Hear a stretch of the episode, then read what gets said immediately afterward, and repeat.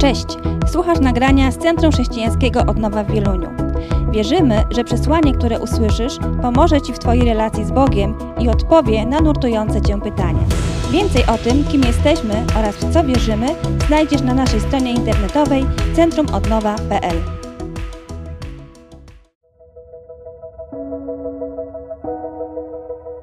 Chciałabym Cię zaprosić do odsłuchania kazania z serii Odbudowanie małżeństwa. W tej serii kazań poruszymy ważne tematy związane z małżeństwem. Poszukamy mądrości, rad i odpowiedzi, które pomogą naszym małżeństwom. Będziemy mówić zarówno o tym, czym jest miłość, jak i o tym, że słowo miłość jest jednym z najczęściej źle rozumianych słów na świecie. Poruszymy kwestię, jak wzmocnić swoje małżeństwo i że potrzebujemy siebie nawzajem.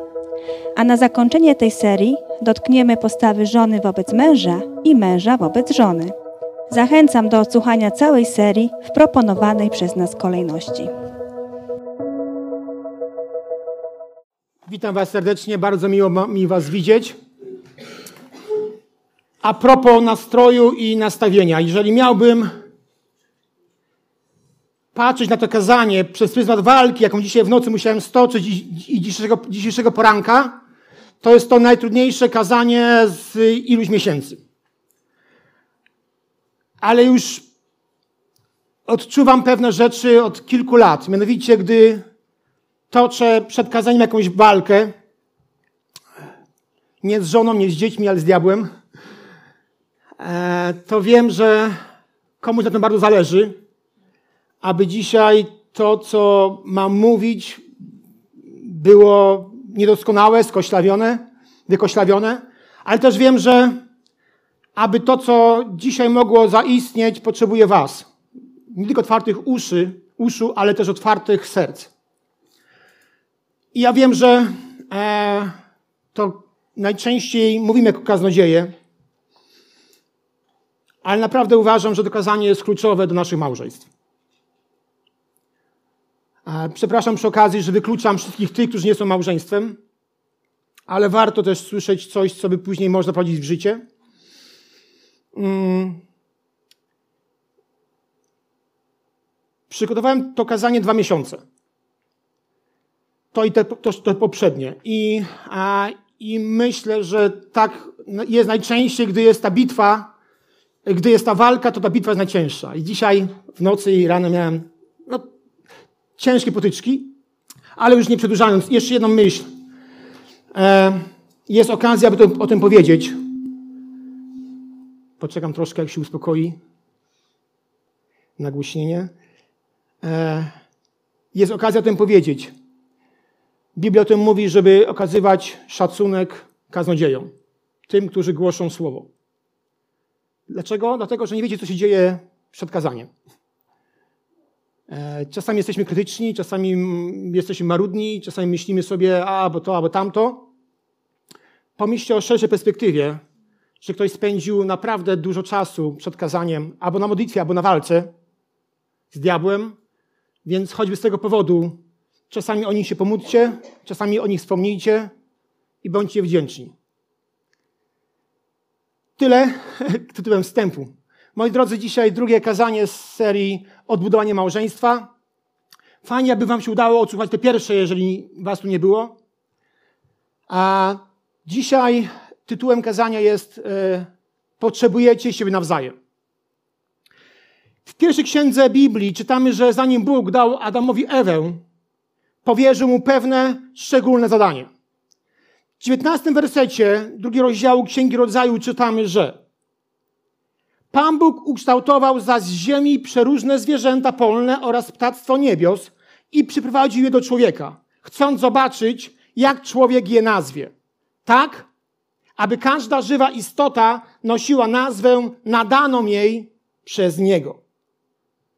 Następnie czytamy, werset później. I człowiek nadał nazwy wszelkiemu bydłu i ptactwu i wszystkim zwierzętom pól, ale nie znalazł pomocy, która odpowiadałaby jemu. A zatem Adam sprostał zadaniu.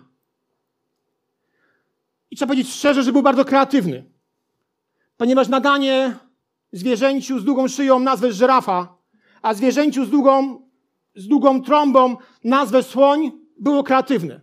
Do tej pory nie wiemy, dlaczego tak miało, dlaczego to zaistniało i czemu tak, nie inaczej. Więc na pewno był kreatywny. Myślę, że dał radę, ale czytamy o tym, że nie znalazł pomocy, która by jemu odpowiadała. To jest dosyć ciekawe, gdyż mieszkał w raju, posiadał doskonałą relację ze Stwórcą, a jednak czegoś mu brakowało. Interesujące jest to, w jakim momencie Adam odczuwa tą potrzebę.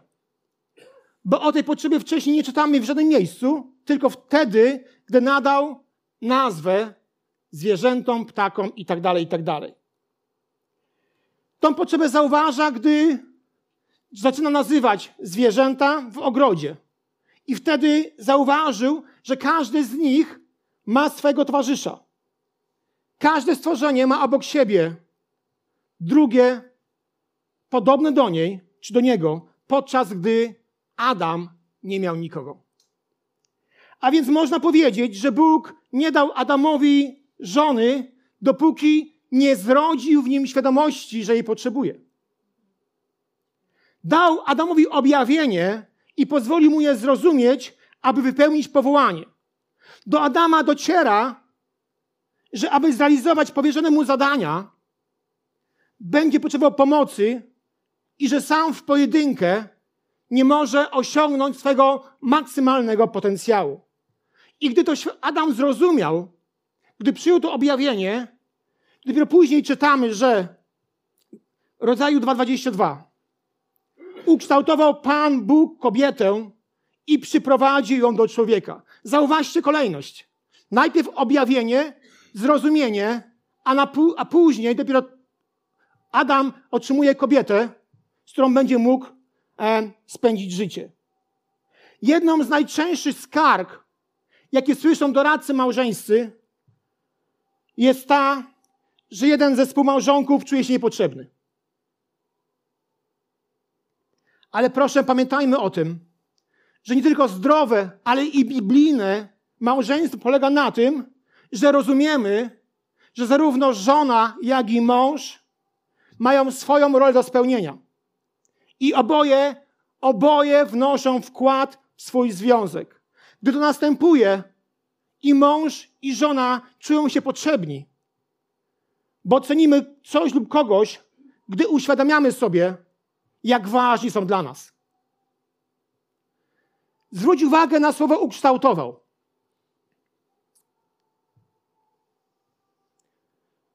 To oznacza misterne projektowanie i staranne formowanie. A więc to nie jest zwykłe byle jakieś ukształtowanie.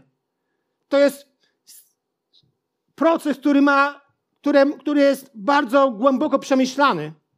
Coś, co jest doskonale stworzone, coś, co nie jest e, e, nieprzemyślane, ale wręcz misternie zaprojektowane.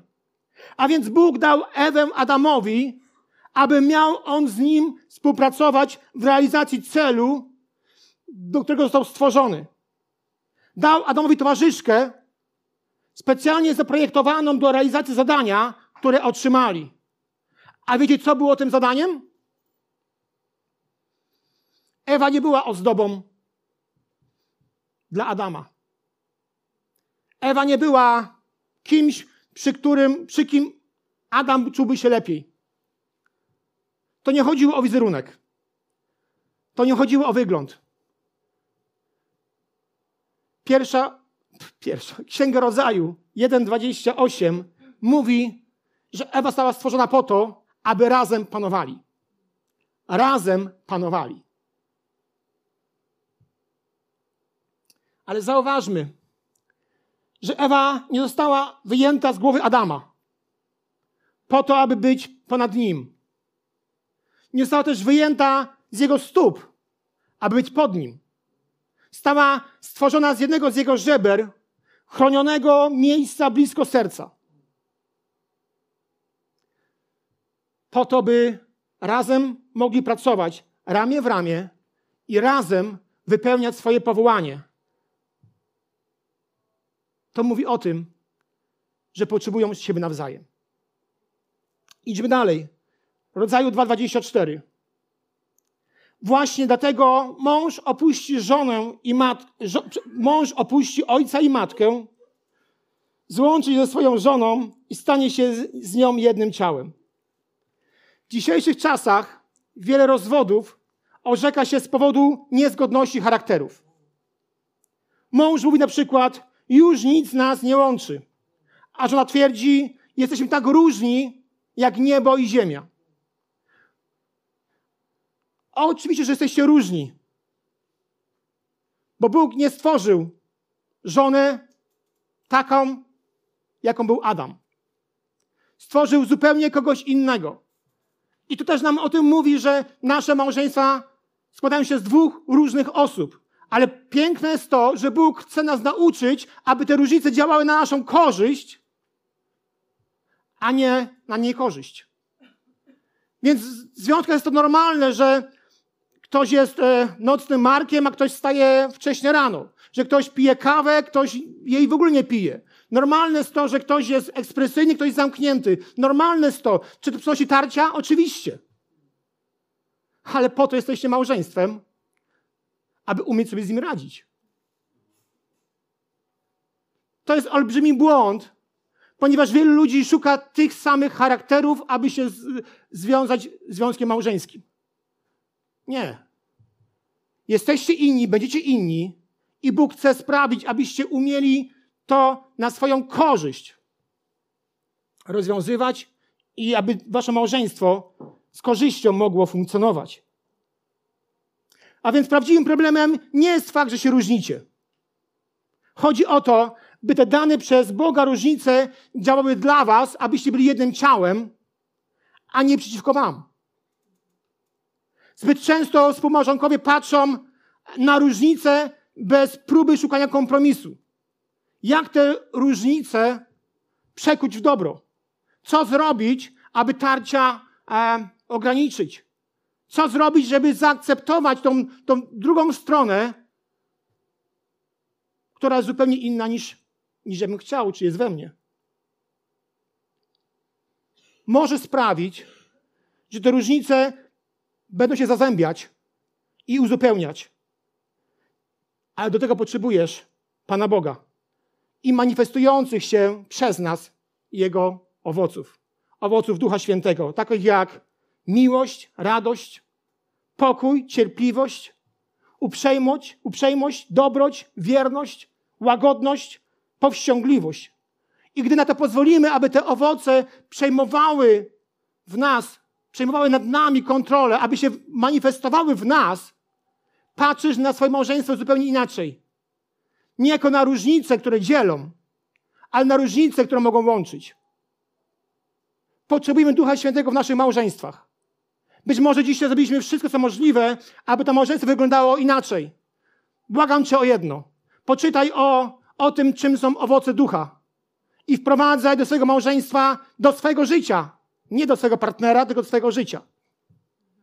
Te owoce. Bo ja wiem, że chcielibyśmy bardziej wprowadzać do swojego współmałżonka te owoce. Ale to Ty jesteś odpowiedzialny za swoje małżeństwo. I z tego być rozliczony.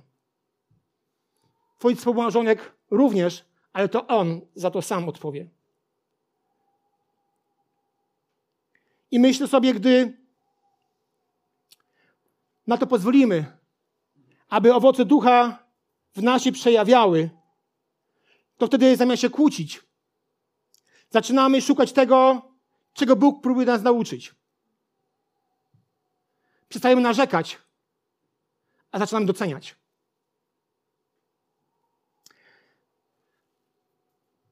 Małżeństwo jest przymierzem zaprojektowanym przez Boga, aby wzmocnić zdolność każdego ze współmałżonków do realizacji celu w miejscu, który gdzie ich umieścił.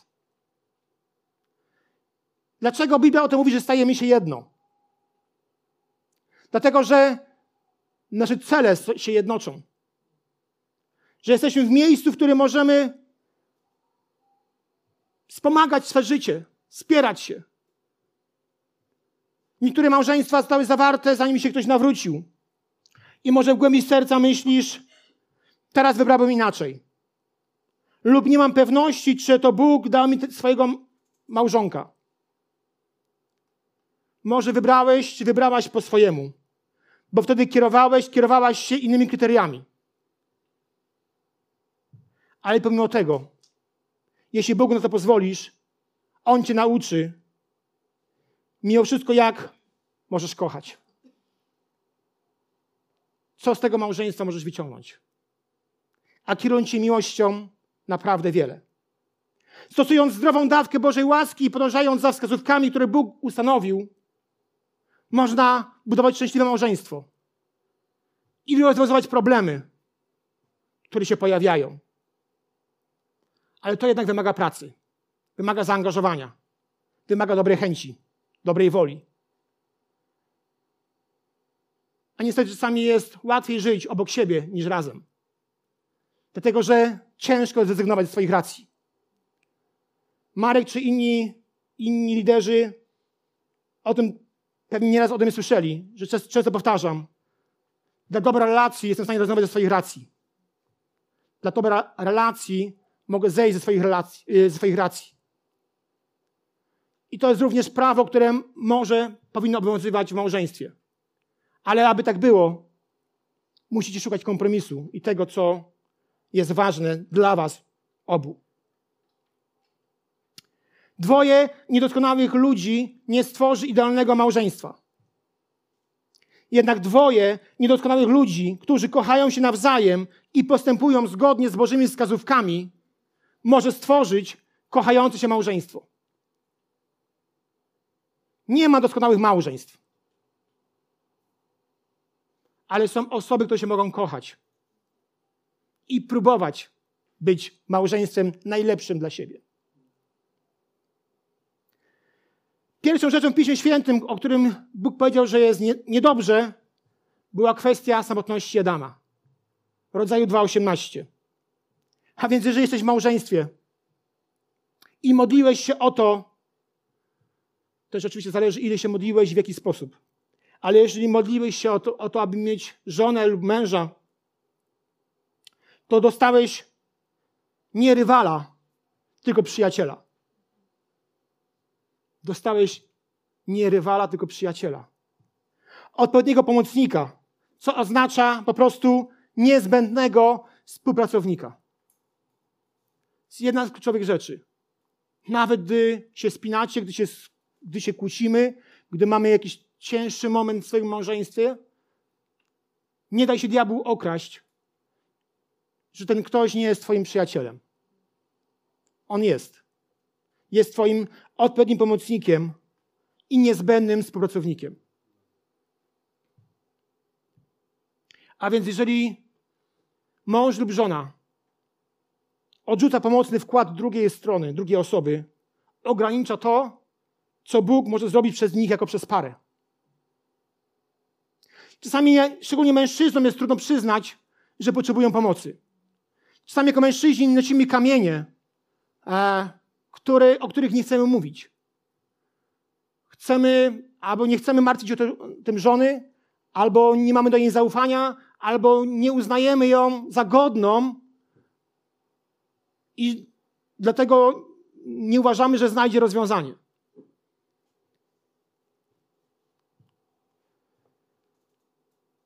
Ale jeśli tego robisz, jeśli to robisz, to oznacza, że nie korzystasz z całej palety możliwości. Bo punkt widzenia kobiety nie jest gorszy. Jest istotny. Jej obecność nie została zaplanowana jako ozdoba, jest niezbędna, abyście mogli wykorzystać wasz wspólny potencjał.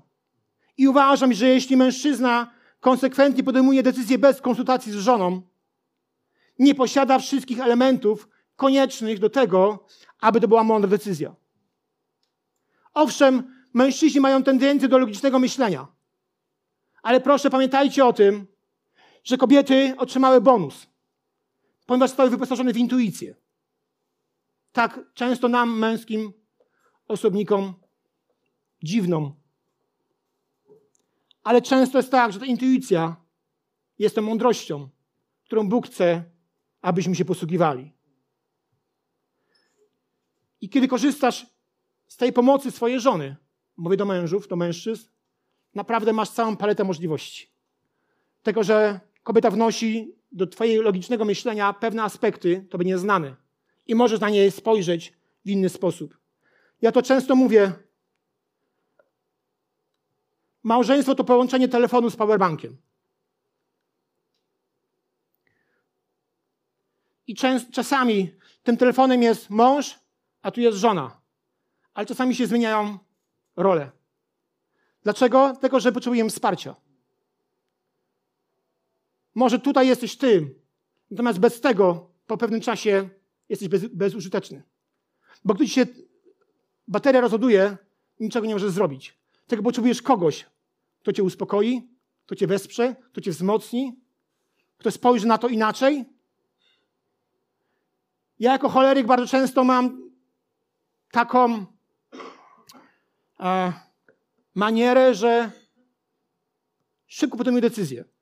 Nie mam problemu, żeby decyzję wozić, raczej podejmuję szybko decyzję. I wielokrotnie, wielokrotnie, wielokrotnie przychodzi do mnie moja żona, mówi Zbyszek, prześpi się z tym. Nie myśl teraz o tym. Nie decyduj od razu o tym. Nie macie pojęcia, ile razy mi uratowała tyłek. Ile razy was uchroniła przed trudnymi rozmowami ze mną.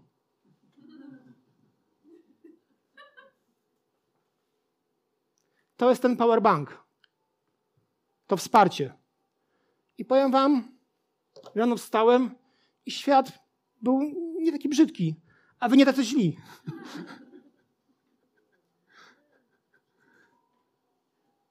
Korzystajmy z pomocy. Ja wiem, że e, słuchałem tego osoby, które mają różne poglądy na małżeństwo. Różna, różna hierarchia małżeństw występuje. Nie wiem, czy chcę ci mącić swój światopogląd. Ja mówię o swoim, że głupotą jest to, aby nie korzystać w pełni z pomocy, którą możemy korzystać. To dla mnie żaden wstyd, że gdy konsultuję się ze swoją żoną w pewnych decyzjach, to żaden, to mi nie włacza mojej męskości. Nie sprawia, że czuję się źle. Czuję się dobrze, ponieważ wiem, że skoro Bóg mi ją dał, to po coś dał. Nie po to, aby była ozdobą, czy po to, aby było tylko obok mnie. Razem możemy przywodzić swojemu życiu, razem możemy wychowywać dzieci i dokonać kluczowych decyzji. Więc pomyślcie o tym, że bez tego powerbanku pewnego czasu zabraknie nam baterii. I co wtedy?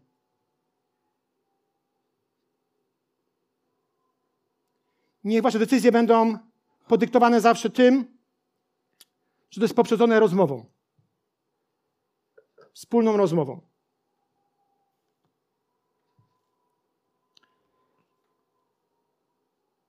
Dziesięć przykazań szczęśliwego małżeństwa. Nie wiem, czy przez wszystkie przejdziemy. Już trochę czasu jest mało. Pierwsza, pierwsze przykazanie. Otaczaj małżeństwo szacunkiem. List do Hebrajczyków 13:4. Małżeństwo ma być otaczane szacunkiem. W innym przykładzie ten fragment brzmi tak. Niech wszyscy cenią związek małżeński. Prawda, że pięknie? Niech, niech wszyscy cenią związek małżeński. Ale aby wszyscy mieli możliwość cenić związek małżeński, najpierw to musi czynić mąż i żona.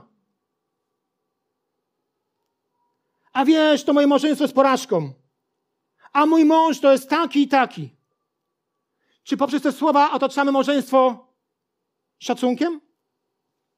Nie. Czy to oznacza, że nie mamy prawa mówić prawdy o swoim małżeństwie, gdy coś złego się dzieje?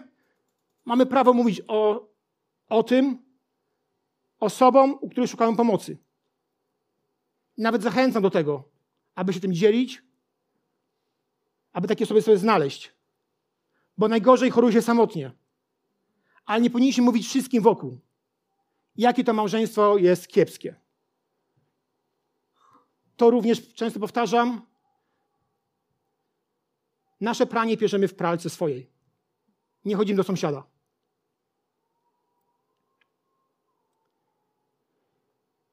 Bo gdy mówimy źle wszystkim wokół, jakie nasze małżeństwo jest kiepskie, nie darzymy je szacunkiem. A pomyśl o swoich dzieciach. Czy to ich zachęca do pójścia w małżeństwo, skoro jest tak kiepsko? Twój wspomarzonek jest Twoim życiowym towarzyszem, więc szanuj go. Niech on będzie ważniejszy dla Ciebie niż Twoja matka, Twój ojciec, Twój syn czy Twoja córka.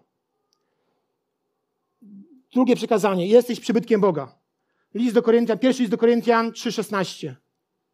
Czy nie wiecie, że jesteście przybytkiem Boga i że Duch Boży mieszka w was? Nie rujnuj swojego zdrowia, objadając się, paląc papierosy, zażywając narkotyki czy alkohol. Gdy jesteś uzależniony, to nie tylko krzywdzisz siebie, ale też tych wszystkich, których kochasz. Odrzucając używki, możesz mieć nadzieję, że będziesz cieszył się długim, zdrowym życiem wśród tych, których kochasz. Kwestia używek to pewnie dłuższy temat. Natomiast jak wytłumaczyć swojej córce czy swojemu synowi, że jesteś chory na raka płuc, ponieważ paliłeś? Jak wytłumaczysz swojemu dziecku, że z powodu pitego alkoholu musisz umierać? Pomyślcie o nich, o tych małych dzieciach, które widzą obraz swego rodzica, który odchodzi w męczanie z tego świata, tylko tak, że był głupi i robił coś, o czym Biblia wyraźnie mówi, aby nie robić. Trzecia rzecz. Dbaj o wspólny czas. Poświęcaj uwagę swojej żonie i rodzinie. Nie pozwól, by twoja praca czy hobby cię tak pochłonęła, stanie się obcy w swoim domu, w swojej rodzinie. Jeśli spędzają czas, jeśli spędzają czas z rodziną, czujesz, że lepiej by było ci w pracy, to jest coś mocno nie tak. Psalm 127, trzeci werset. Oto dzieci są darem Pana. I dodam, a najcenniejszym podarunkiem, jaki może sprawić, jest Twój czas. Theodor Hesberg powiedział: Najlepszą rzeczą, jaką ojciec może zrobić dla swoich dzieci, jest kochać ich matkę. Nie ma lepszej rzeczy. I to działa oczywiście w obie strony. Udane małżeństwo to, udane małżeństwo wymaga, wymaga uwagi. Jest jak ogród. Jeśli ma być piękne, musi być uprawiane i pielęgnowane. A obie rzeczy wymagają poświęconego im czasu. Jeśli nie poświęcasz czasu, powiem to bardzo jasno, otwarcie, jeśli nie poświęcasz czasu swojej żonie czy swojemu mężowi, źle to widzę.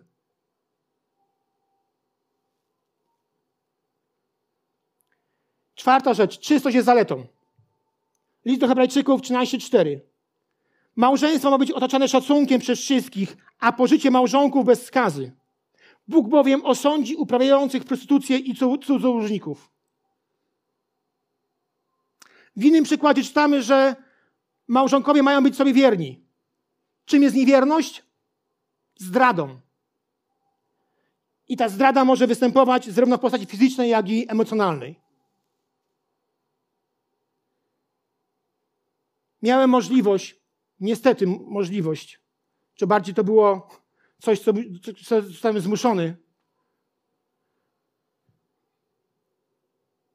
uczestniczyć w, rodzinie, w spotkaniu rodzinnym, w którym dzieci słyszały, że mąż zdradził żonę. Dzieci miały po 6-8 lat. I że teraz muszą się rozstać. Twarz dzieci, którzy to słyszały, nie odchodzi tak łatwo z naszych oczu.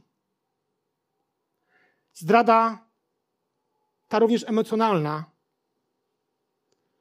doprowadza do rozłamu małżeństw. Proszę, pilnujmy się. Piąte przekazanie. Chętnie dziel się tym, co posiadasz, tak by twój współmałżonek nie musiał żebrać. Przyjście Salomona 28-22. Skąpy śpieszy do bogactwa, a nie wie, że dotknie go ubóstwo. Sam tak się zdarza, że mąż lub żona zarabiają więcej. Albo że mąż zarabia, a żona jest w domu, zajmuje się dziećmi i wielki mąż przychodzi i nie, nie, nie szanuje swojej żony poprzez to, że jest wobec niej skąpy.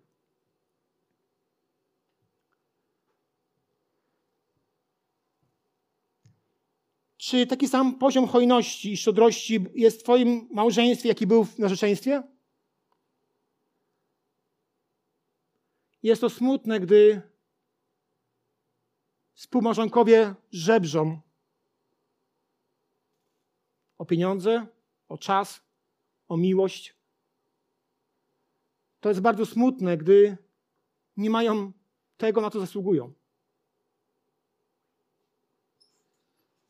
Chętnie dzieli się z tym, co masz ze swoją żoną lub mężem.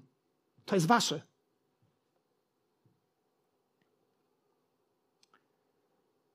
Szósta rzecz, nie zapominaj mówić kocham cię.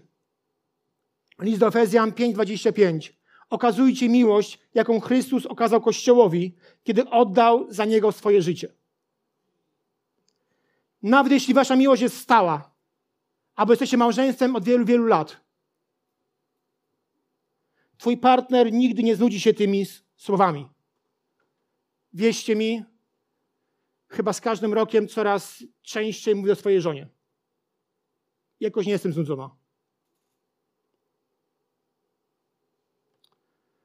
Siódme przekazanie. Pamiętaj, że docenienie z Twojej strony jest dla współmałżonka warte o wiele więcej niż podziw setek obcych ludzi. Przyjście Salomona 12:25. Zmartwienie w sercu człowieka przygnębia go, lecz dobre słowo rozwesela. William James powiedział: Najgłębszą potrzebą człowieka jest pragnienie bycia kochanym i docenionym. Jeśli nie czujemy się w domu docenieni, jako mąż czy jako żona, istnieje duże prawdopodobieństwo, że nie czujemy się docenieni w ogóle. Ponieważ uogólniając, świat tego nie zaspokaja. To, co możesz najlepszego zrobić dla swojego, swojej rodziny, dla swojej żony, swojego męża, swoich dzieci, to ich doceniać. Nie tylko za to, jak coś dobrze zrobią, ale za to, że są.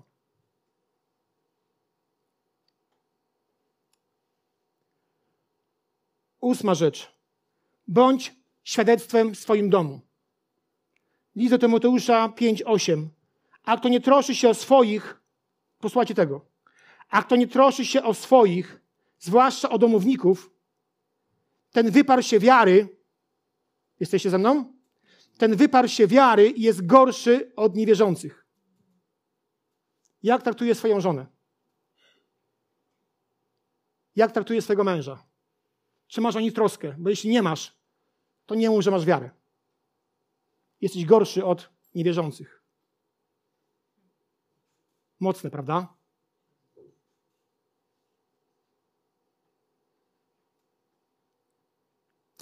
Dziewiąta rzecz, już lądujemy. Zawsze wybaczaj, bo kto z nas nie potrzebuje przebaczenia. List do Efezjan 4,32. Bądźcie wobec siebie uprzejmi, współczujący, wybaczając jedni drugim, tak jak Bóg przebaczył wam ze względu na Chrystusa.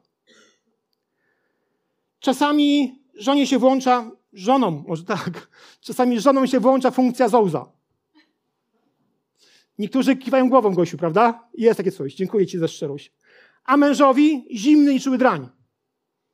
Prawda? Niektórzy mówią, że to prawda. I to nie oznacza, że tacy jesteśmy. Tylko pewien program się nam załączył. I w takich momentach trzeba poczekać, aż ten program w tej pralce czy zmywarce dojdzie do końca. Wtedy wszystko się zmienia. Małżeństwo ma różne programy. Podobnie jak w mojej pralce. Jest pranie wstępne. Jest szybkie pranie. Jest wirowanie, to już, wiecie, nie ma co zbierać. I funkcja pupil, to najbardziej lubię. Ale nawet gdy jest funkcja pupil, czy wirowanie, nie wyciąga się wsadu wtedy, gdy pralka chodzi, czy działa. Nie wiem, czy się nie da. Chodzi o to, że czasami popełniam ten błąd, że jak jest to wirowanie i nic nie jest w stanie zatrzymać tej drugiej strony, to przemilcz. Niech ten program do, dobiegnie do końca. Pralka się wyłączy, wtedy będziesz mógł porozmawiać o tym, co się zadziało. A my często włączamy, jak jest wirowanie, włączamy turbowirowanie. Później trzy dni jest wyciąganie wsadu.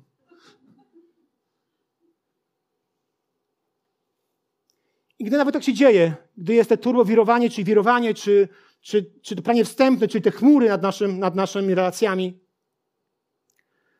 pamiętajcie o tym, że musimy sobie przebaczyć.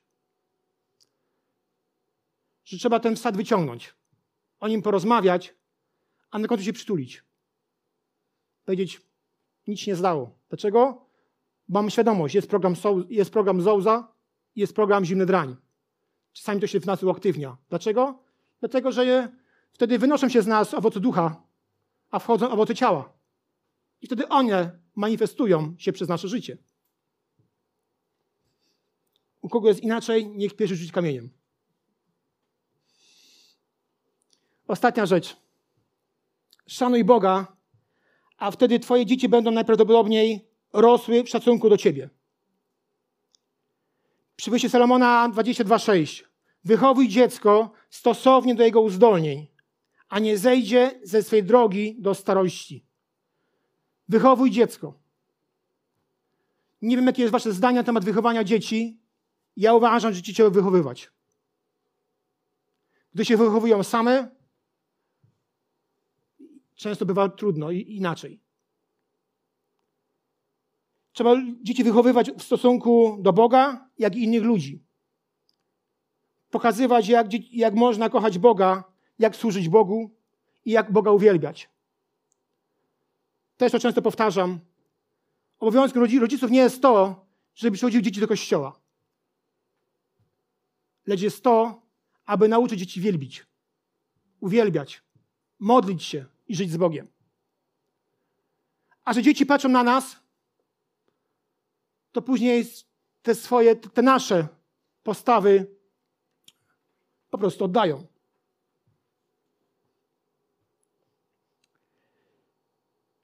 Na zakończenie jeszcze jeden werset i to będzie koniec. Może to jest najtrudniejsze dzisiaj. Kto znalazł żonę, znalazł coś dobrego i zyskał przychylność u Pana. Mówi nam o tym przyjście Salomona 18:22. W tym wersecie nie smakuje mi jeden werset. Znalazł. Nie wiem, jakoś tak się tak źle, źle kojarzy, ale na nieszczęście każdy przekład mówi to samo, że kto znalazł. Więc nie wiem, czy twoja żona była zgubiona, czy nie, czy, czy ją znalazłeś, czy, czy zdobyłeś, czy ona cię znalazła, czy zdobyła, jakkolwiek, nie wiem. Pytanie brzmi takie. Czy dzisiaj w tym miejscu, co jesteś, możesz powiedzieć ze szczerego serca, znalazłem kogoś dobrego i zyskałem przychylność u Pana.